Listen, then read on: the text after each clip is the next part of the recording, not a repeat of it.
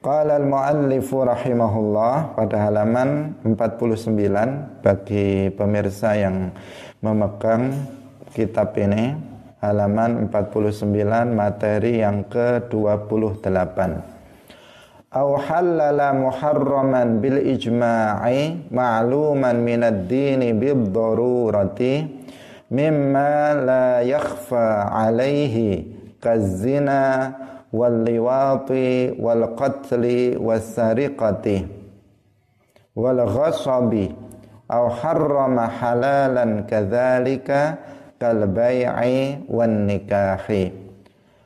Aw halala utawa ngalalaken sapa wong muharraman ing perkara kang den haramaken bil ijma'i kelawan ijma' Makluman kang den weruhi minad dini sangking agama roti kelawan pasti. Nyatane mimma sangking barang la yakhfa kang ora samar apa ma alaihi ing atase wong.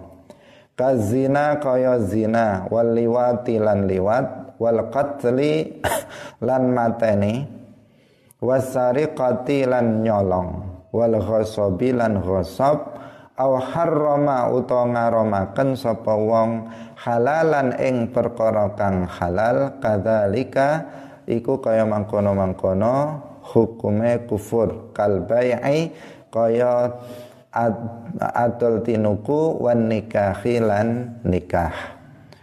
Aw nafa utawa nafeaken sapa wong wujuba mujma'in alaihi ing wajibe perkara kang den uh, sepakati wajibe. Kadzalika iku kaya mangkono-mangkono uh, kufur kasolawati kaya pira-pira salat al khamsi kang limo Aw sajdatin utawa sujud siji minha sangking as-salawatil khamsi zakati lan zakat saumi lan poso wal haji lan haji wal wudu lan wudu. Au au jaba utawa majibaken sapa wong ma ing perkara lam yajib kang ora wajib apa ma ijma'an kelawan ijma' kadzalika iku kaya mangkono-mangkono kufur.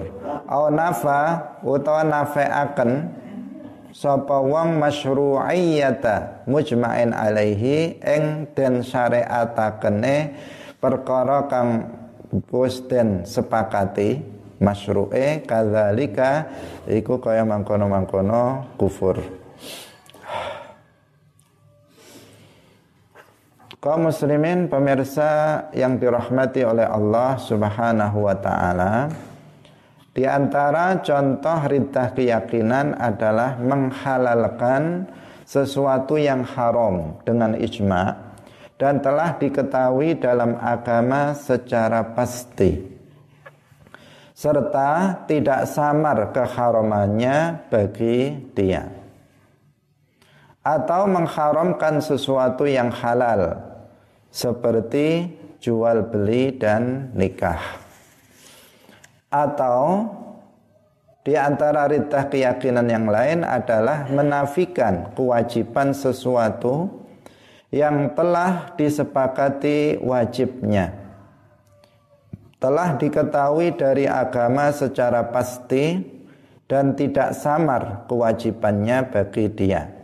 Seperti sholat lima waktu atau satu sujud dari sholat lima waktu itu, zakat, puasa, haji, dan wudhu atau mewajibkan sesuatu yang tidak wajib secara ijma. Telah disepakati, telah diketahui dari agama secara pasti dan tidak samar ketidakwajibannya bagi dia. Atau menafikan disyariatkannya sesuatu yang disyariatkan dengan ijma. Nah, telah diketahui dari agama secara pasti dan tidak samar bagi dia bahwa sesuatu tersebut disyariatkan. Kaum muslimin pemirsa yang dirahmati oleh Allah Subhanahu wa taala. Nah, termasuk ridah keyakinan adalah ketika seseorang itu meyakini di dalam hatinya bahwa sesuatu yang haram itu halal. Nah, artinya dia menghalalkan sesuatu yang haram. Nah, sesuatu itu sudah pasti keharamannya, misalnya zina, sudah jelas haramnya. Dalam Al-Quran sudah disebutkan wala taqrabuz zina. Tetapi kemudian dia mengatakan hukumnya halal. Maka orang yang menghalalkan sesuatu yang sudah pasti haram, dia tahu bahwa itu hukumnya haram, tetapi dia tetap menghalalkannya, maka di sini uh, dia jatuh kepada riddah.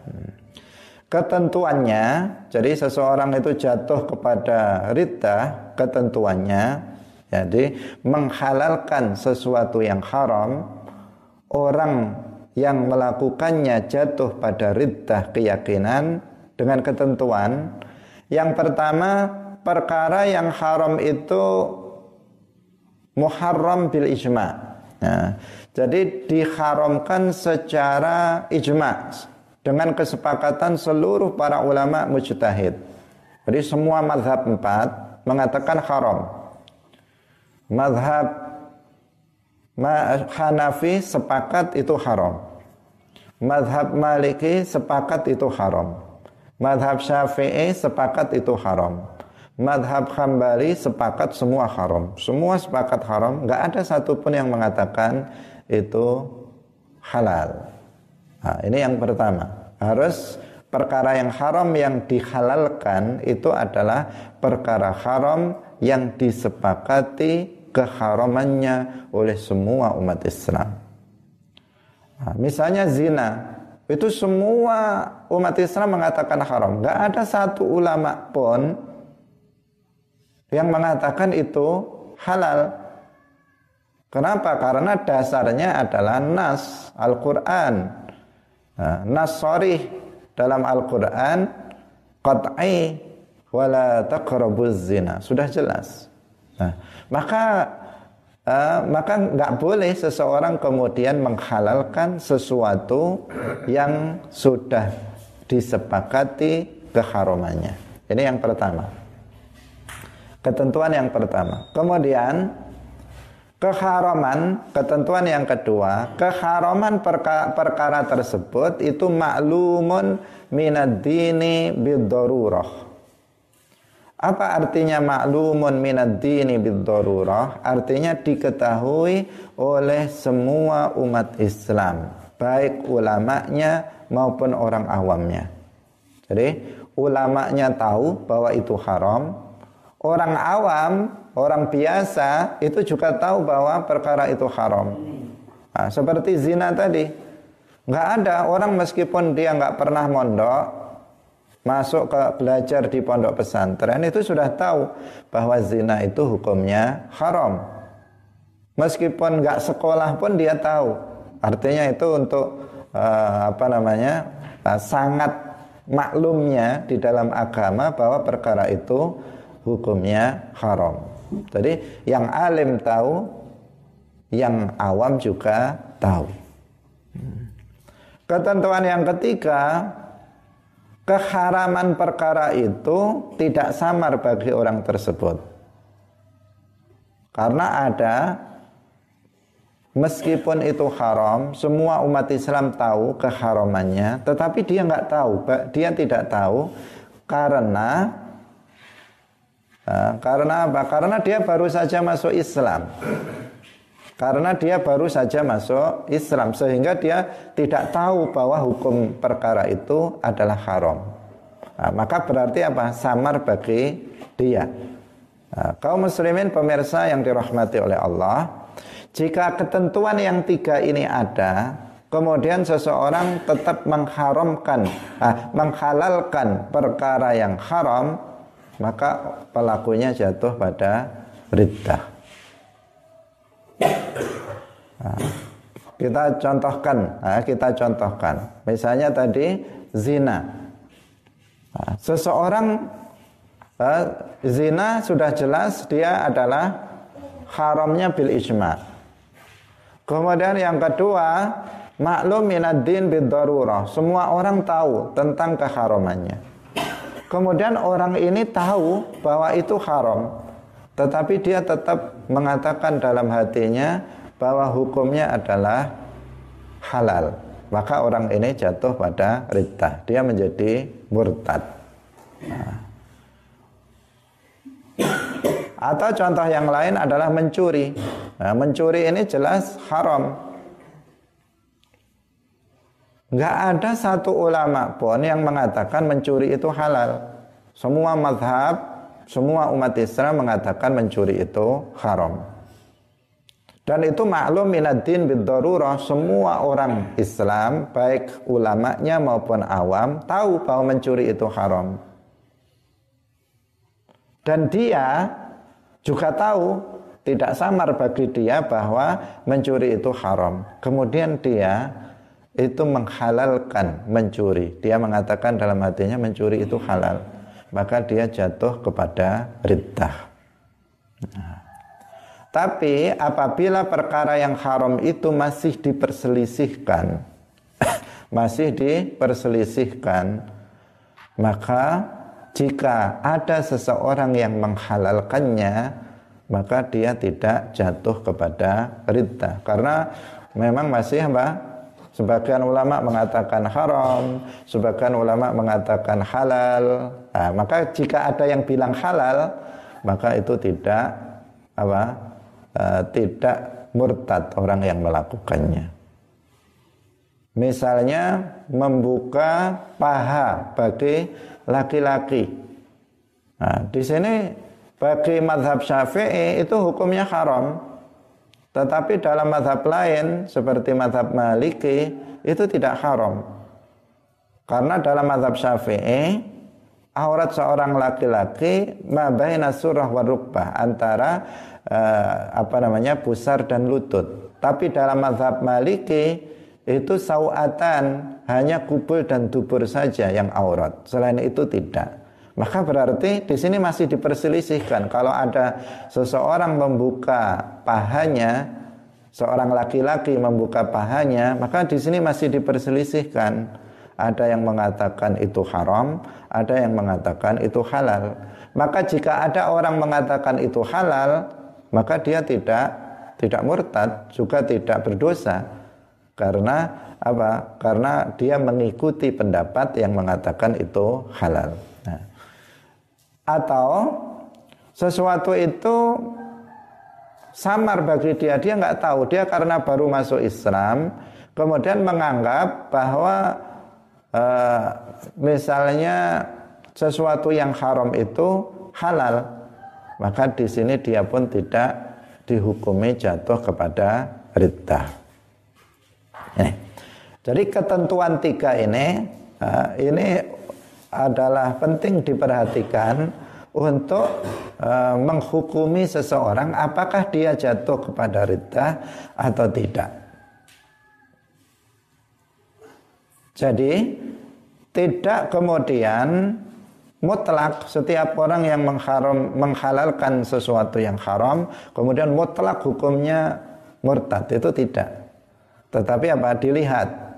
Pertama sesuatu yang dia haramkan itu apakah keharamannya itu mujma alaih uh, haram dengan ijma atau tidak yang kedua apakah perkara yang diharamkan yang disepakati haramnya itu maklum minad dini diketahui oleh semua umat Islam baik ulamanya ataupun awamnya atau tidak. Yang ketiga, apakah keharaman perkara tersebut itu diketahui oleh dia orang tersebut nah, atau samar bagi dia. Nah, ini harus dipastikan baru kemudian uh, ditetapkan hukumnya apakah dia itu jatuh pada riddah atau tidak. Artinya dia menjadi murtad atau tidak. Ini ketentuan yang uh, ketentuan yang apa namanya harus diperhatikan. Kemudian au harrama halalan kadzalika kal bai'i wan nikah. mengharamkan sesuatu yang halal. Kalau tadi menghalalkan yang haram, sekarang sebaliknya mengharamkan sesuatu yang halal. Kadzalika. Nah, artinya dengan ketentuan-ketentuan yang tadi. Orang yang mengharamkan perkara yang halal itu jatuh pada riddah apabila yang pertama kehalalan sesuatu itu mujma alaih. Nah, bil ijma disepakati oleh semua umat Islam. Semua sepakat itu halal. Seperti apa? Seperti nikah, seperti jual beli. Itu nggak ada orang yang mengatakan jual beli itu haram. Nggak ada yang mengatakan nikah itu haram. Kenapa? Karena itu dasarnya adalah nas Al-Quran Ya, nas Al-Qur'an. Dalam Al-Qur'an disebutkan uh, ahallallahu al-bai'ah wa harramar riba. Sudah jelas.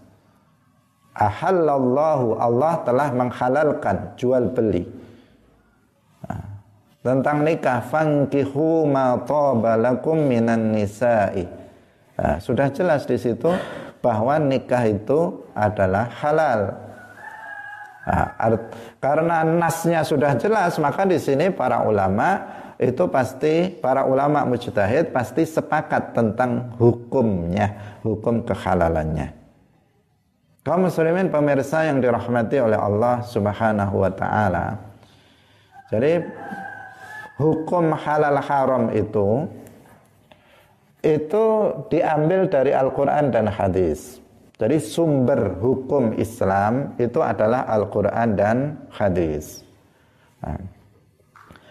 Nah, petunjuk Al-Quran terhadap hukum ini itu tidak sama. Ada yang qat'i ad-dilalah, ada yang zonni ad-dilalah. Qat'i dilalah artinya petunjuknya itu jelas pasti jelas nggak ada keraguan. Seperti uh, uh, apa namanya? Seperti yang tadi kita sebutkan. Misalnya ahallallahul bai'ah itu kan jelas petunjuknya. Allah telah menghalalkan jual beli. Ini nggak bisa diartikan yang lain ini. Ya udah berarti jual beli itu adalah halal seperti misalnya fankihu ma tabalakum minan nisa' Nah, itu sudah jelas. Fangkihu maka nikahilah kan sudah jelas. Maka berarti nggak mungkin diperintahkan tetapi hukumnya sebaliknya. Di sini sudah jelas hukum kebolehan menikah. Wala taqrabuz zina misalnya sudah jelas di sini. Larangan untuk berzina berarti haram. Misalnya lagi wa aqimus salata wa atuz zakah. Sudah jelas di sini perintah salat dan zakat. Ini qat'i utilalah. Jadi petunjuk ayat itu yang menjelaskan tentang apakah suatu perbuatan itu halal atau haram itu jelas. Nah, ada yang zanniyud dilalah, petunjuknya nggak jelas. Nah, jika petunjuk ayat atau hadis tentang hukum suatu permasalahan itu tidak jelas, maka di sinilah uh, apa namanya ijtihad para ulama, para mujtahid. Maka dalam ayat-ayat semacam inilah maka para mujtahid seperti Imam Abu Hanifah, Imam Malik, Imam Syafi'i, Imam Ahmad bin Hanbal, itu mengerahkan segala kemampuan potensi yang dia miliki untuk memahami ayat ini. Nah, dalam memahami ayat ini kemudian ada kalanya mereka sepakat sama pemahamannya. Pemahamannya sama. Maka yang jika pemahamannya sama, maka ini yang disebut dengan ijma. Nah, jika kemudian pemahamannya berbeda, Imam Syafi'i bilang begini, Imam Abu Hanifah bilang begini, Imam Ahmad bilang begini dan seterusnya. Berarti di sini khilaf. Ada khilaf di antara para ulama. Maka permasalahan tersebut uh, permasalahan khilafiyah, uh, permasalahan yang masih diperselisihkan hukumnya oleh para ulama. Nah, kalau sudah qat'iyud dilalah nggak mungkin ada khilaf, pasti ada pasti ijma. Nah, tetapi jika zanniyud dilalah dimungkinkan ada dua. Ada kalanya mujma' alaih disepakati pemahamannya ada kalanya mukhtalafi diperselisihkan tentang hukumnya nah, seseorang yang menghalam mengharamkan sesuatu yang halal itu dihukumi riddah jatuh pada riddah manakala perkara yang halal itu mujma' alaih bukan yang diperselisihkan Orang yang menghalalkan yang haram itu manakala perkara yang diharamkan itu adalah mujma' alaih, yang disepakati keharamannya, bukan yang diperselisihkan. Nah, itu agar kita paham ya, agar kita bisa memahami bagaimana kok ada mujma' alaih, ada yang mukhtalaf fih. Nah, jadi karena permasalahan-permasalahan dalam Islam uh, yang ditetapkan hukumnya oleh para ulama itu sumbernya Al-Quran dan hadis dan sumbernya itu ada kalanya qat'iyyud dilalah dan ada kalanya dhanniyud dilalah. Seperti yang sudah kita jelaskan tadi. Kaum muslimin pemirsa yang dirahmati oleh Allah Subhanahu wa taala. Kita lanjutkan kembali.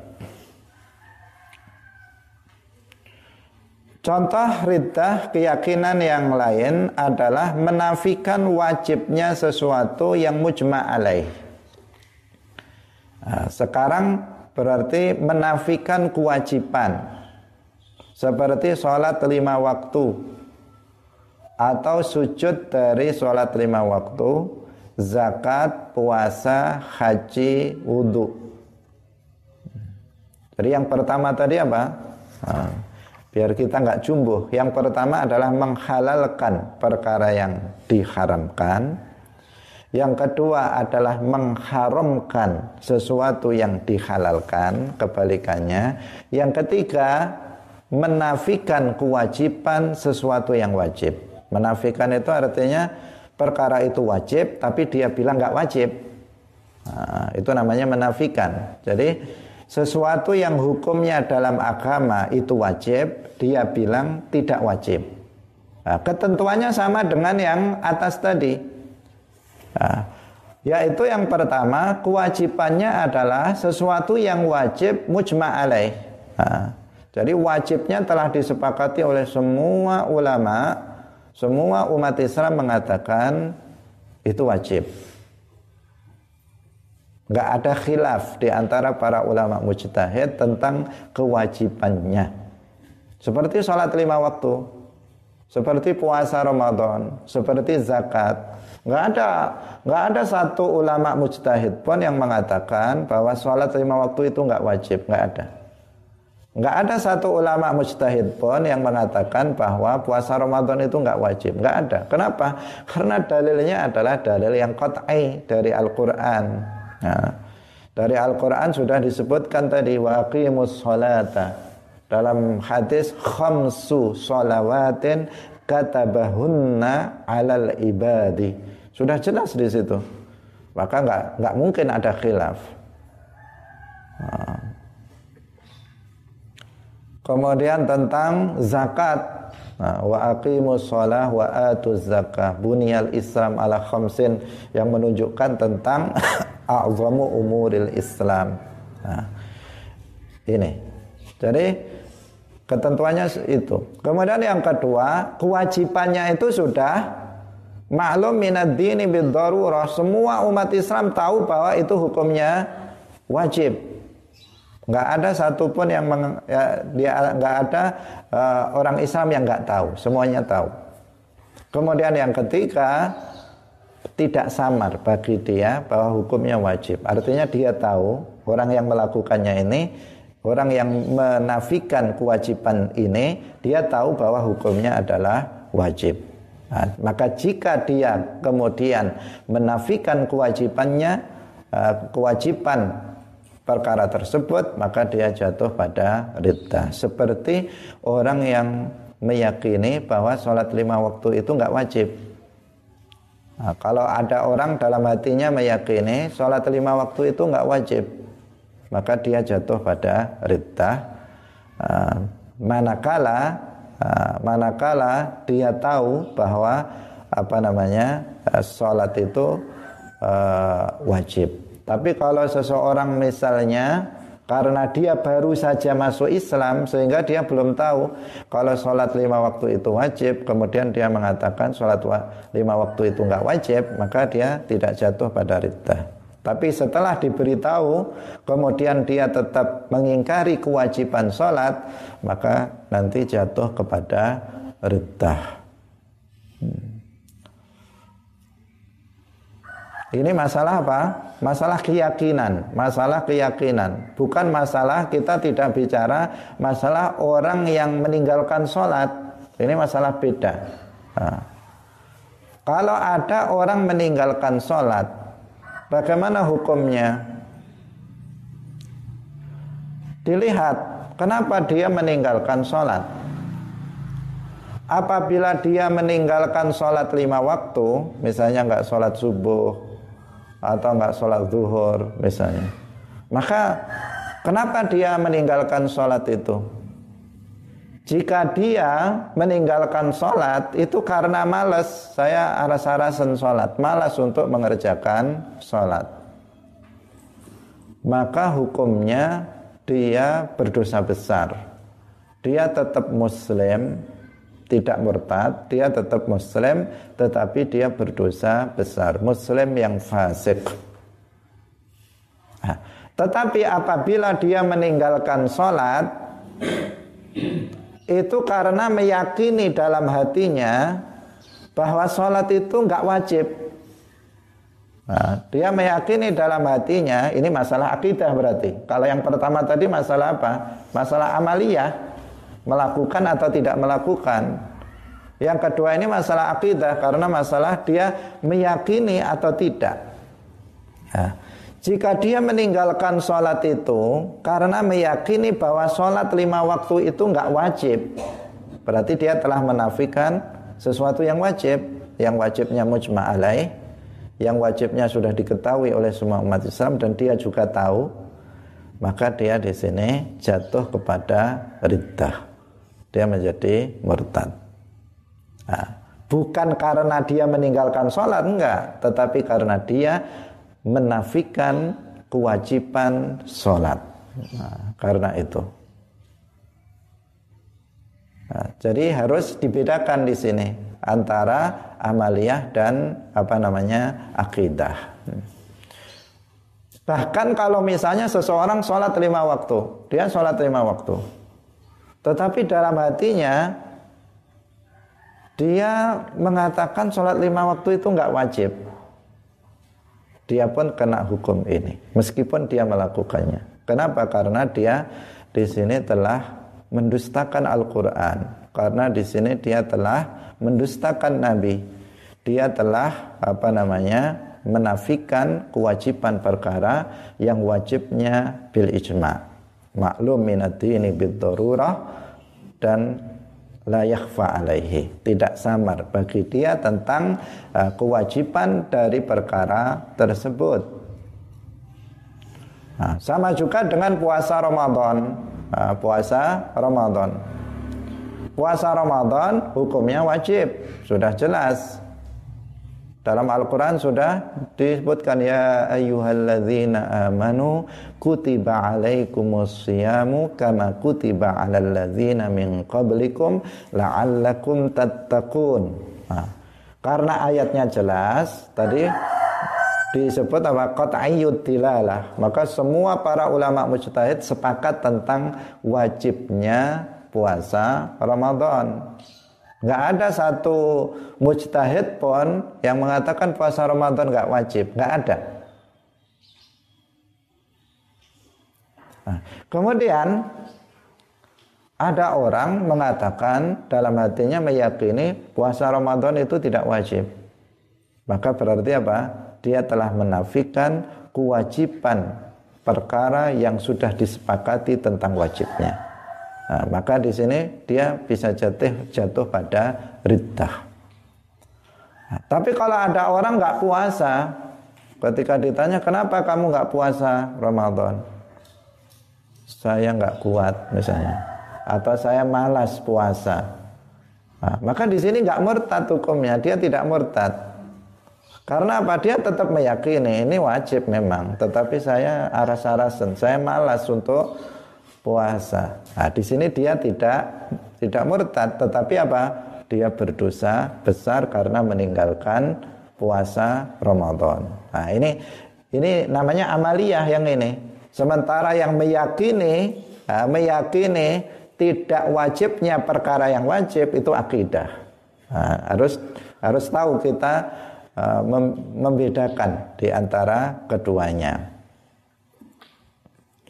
Demikian juga zakat, puasa, haji, wudhu. Nah, wudhu itu juga uh, wajib hukumnya karena juga ada nasnya dalam Al-Quran.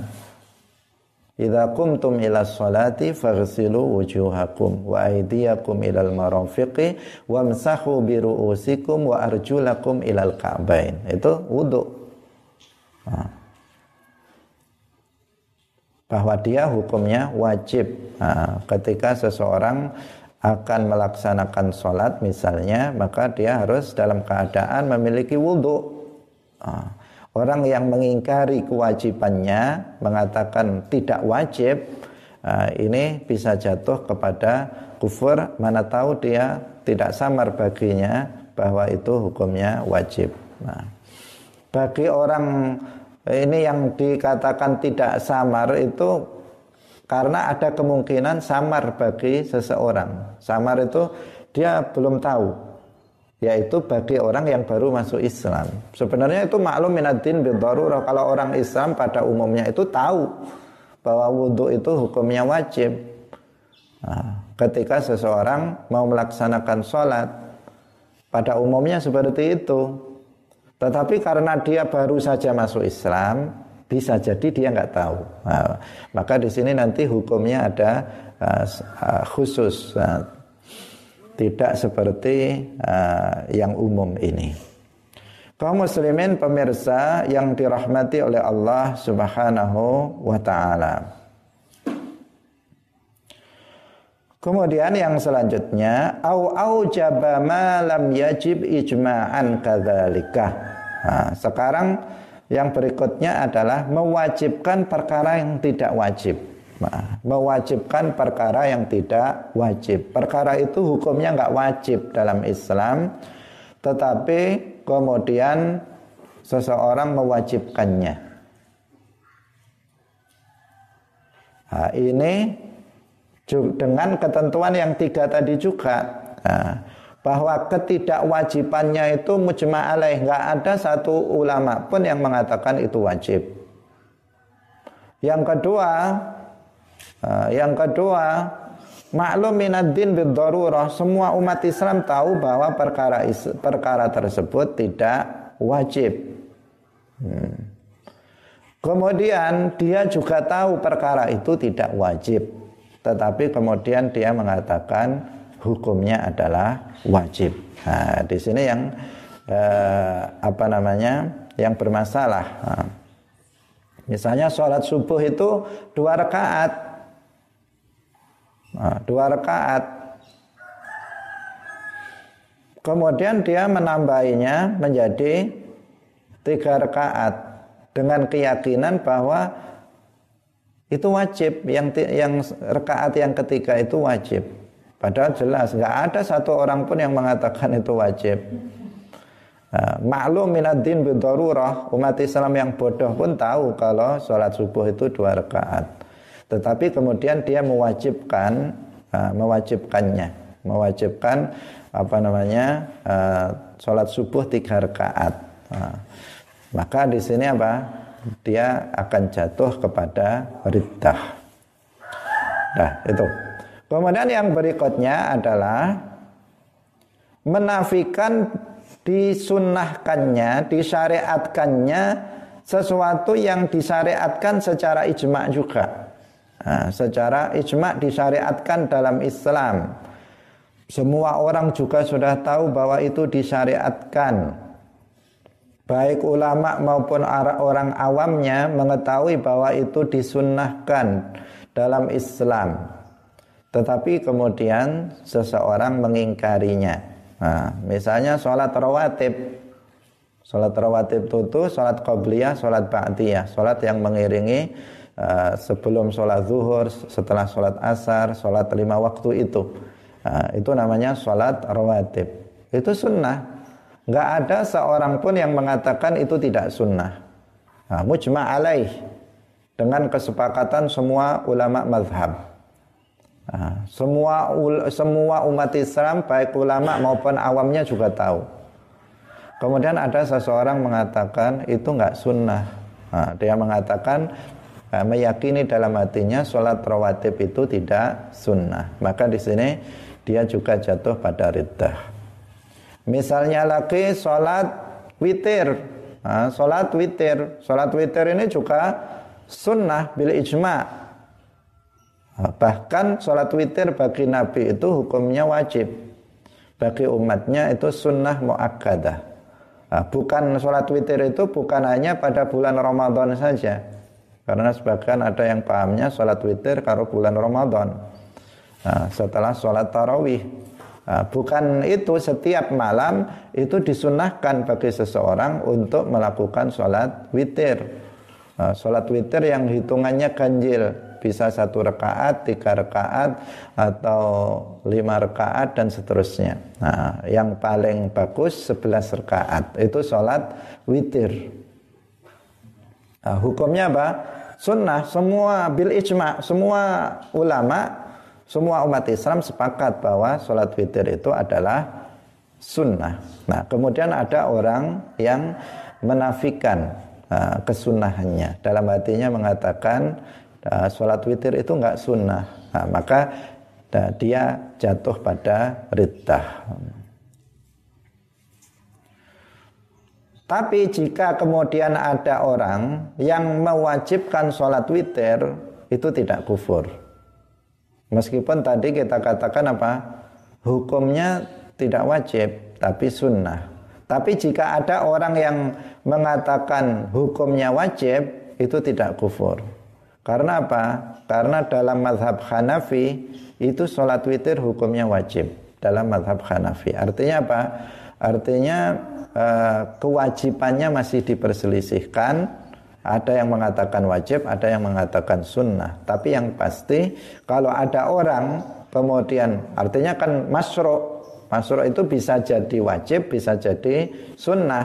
Nah, maka jika ada yang menafikan kemasruannya, artinya tidak masro itu diajarkan dalam Islam sesuatu yang diajarkan untuk dilakukan jika ada seseorang kemudian mengatakan itu nggak masyru, nggak sunnah juga nggak wajib, maka di sini yang dia jatuh kepada riddah. Nah, kaum muslimin pemirsa yang dirahmati oleh Allah Subhanahu wa taala. Nah, ada sedikit catatan, sedikit catatan tentang orang yang apa namanya mengingkari kewajiban zakat Orang yang mengingkari kewajiban zakat, zakat itu tadi kita sebutkan sebagai sesuatu yang wajib bil ijma, maklum minad dini bin Zakat itu adalah perkara yang wajibnya itu dengan kesepakatan seluruh umat Islam.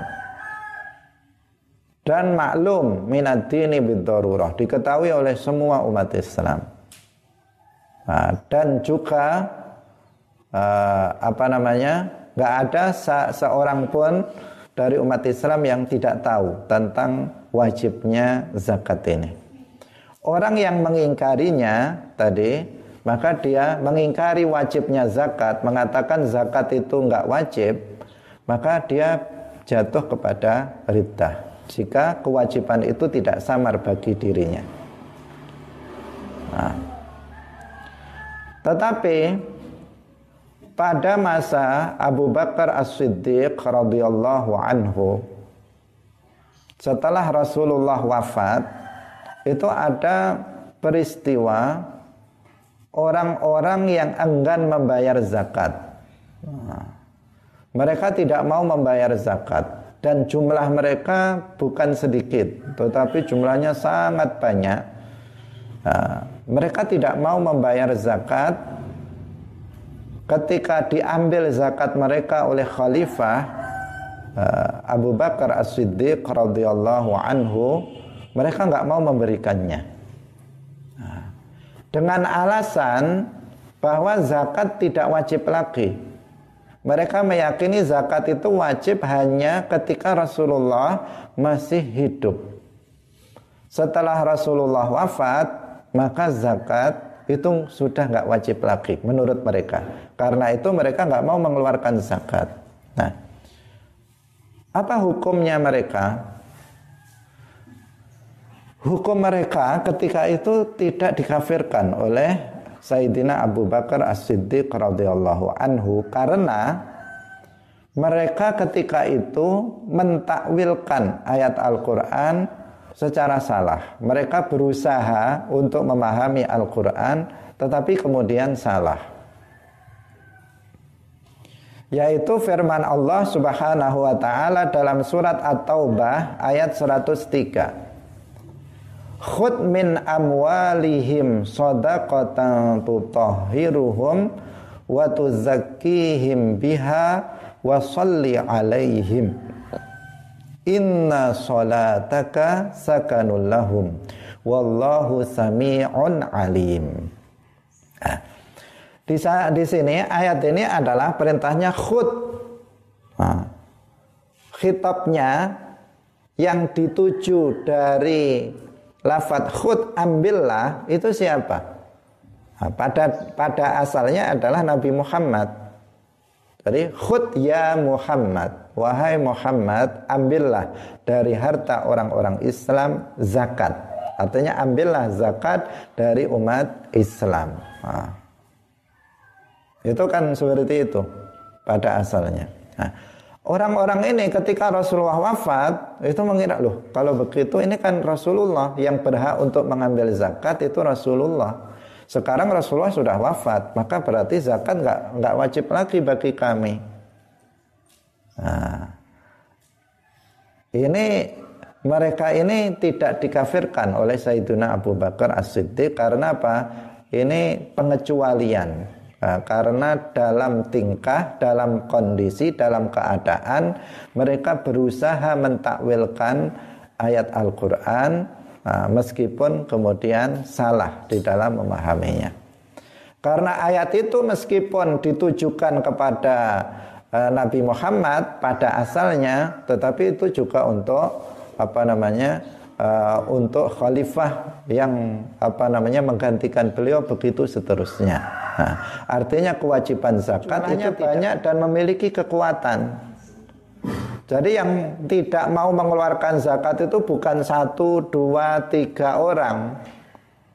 Tetapi ribuan orang nggak mau zakat. Nah, ini mereka memiliki kekuatan.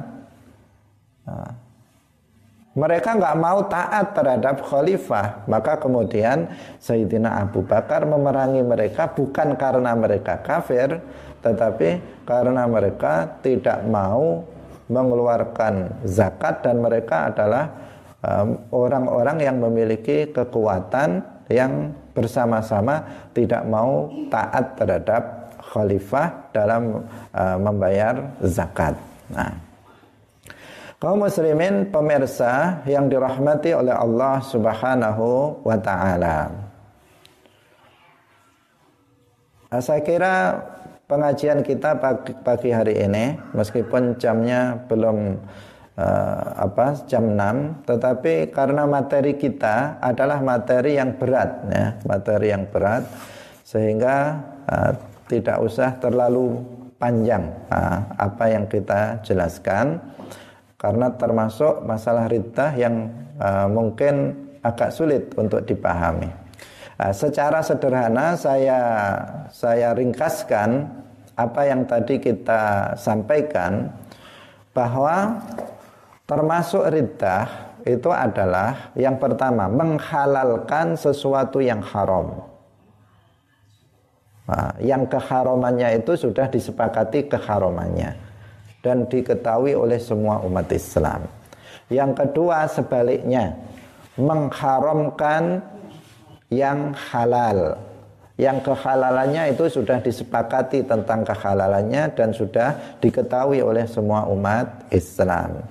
Yang ketiga adalah menafikan wajibnya sesuatu yang wajib dengan ijma' sesuatu yang jelas wajibnya disepakati semua umat Islam wajib kemudian dikatakan tidak wajib kemudian yang keempat adalah uh, apa namanya mewajibkan. Kalau tadi mengingkari yang wajib sekarang apa? Mewajibkan sesuatu yang tidak wajib. Padahal itu tidak wajib bil ijma. Semua umat Islam semua para ulama mengatakan nggak wajib, kemudian dia bilang wajib. Kemudian yang kelima adalah uh, menafikan disyariatkannya sesuatu yang disyariatkan secara ijma. Secara ijma dikatakan itu sunnah, uh, itu diajarkan, dianjurkan dalam Islam, tetapi dia bilang itu tidak dianjurkan dalam Islam. Nah, maka kita harus berhati-hati, harus kita mengatakan yang wajib itu wajib, yang haram itu haram, yang halal itu halal, yang sunnah itu sunnah, yang nggak sunnah itu nggak sunnah, yang nggak wajib itu nggak wajib. Itu harus harus seperti itu. Tidak boleh kita hulu berlebihan dalam agama dan juga kita tidak boleh taksir uh, terlalu teledor dalam agama. Karena dalam masalah ini ada apa? ada dua kelompok yang ekstrim. Ekstrim kanan dan ekstrim kiri. Yang ekstrim kiri itu teledor dalam agama. Sesuatu yang wajib dia bilang nggak wajib. Sesuatu yang haram dia bilang nggak haram. Ini ini apa namanya ekstrim kiri, liberal, nah, liberal. Pokoknya serba boleh, boleh, boleh, nggak apa-apa, nggak apa-apa gitu aja. Itu yang apa?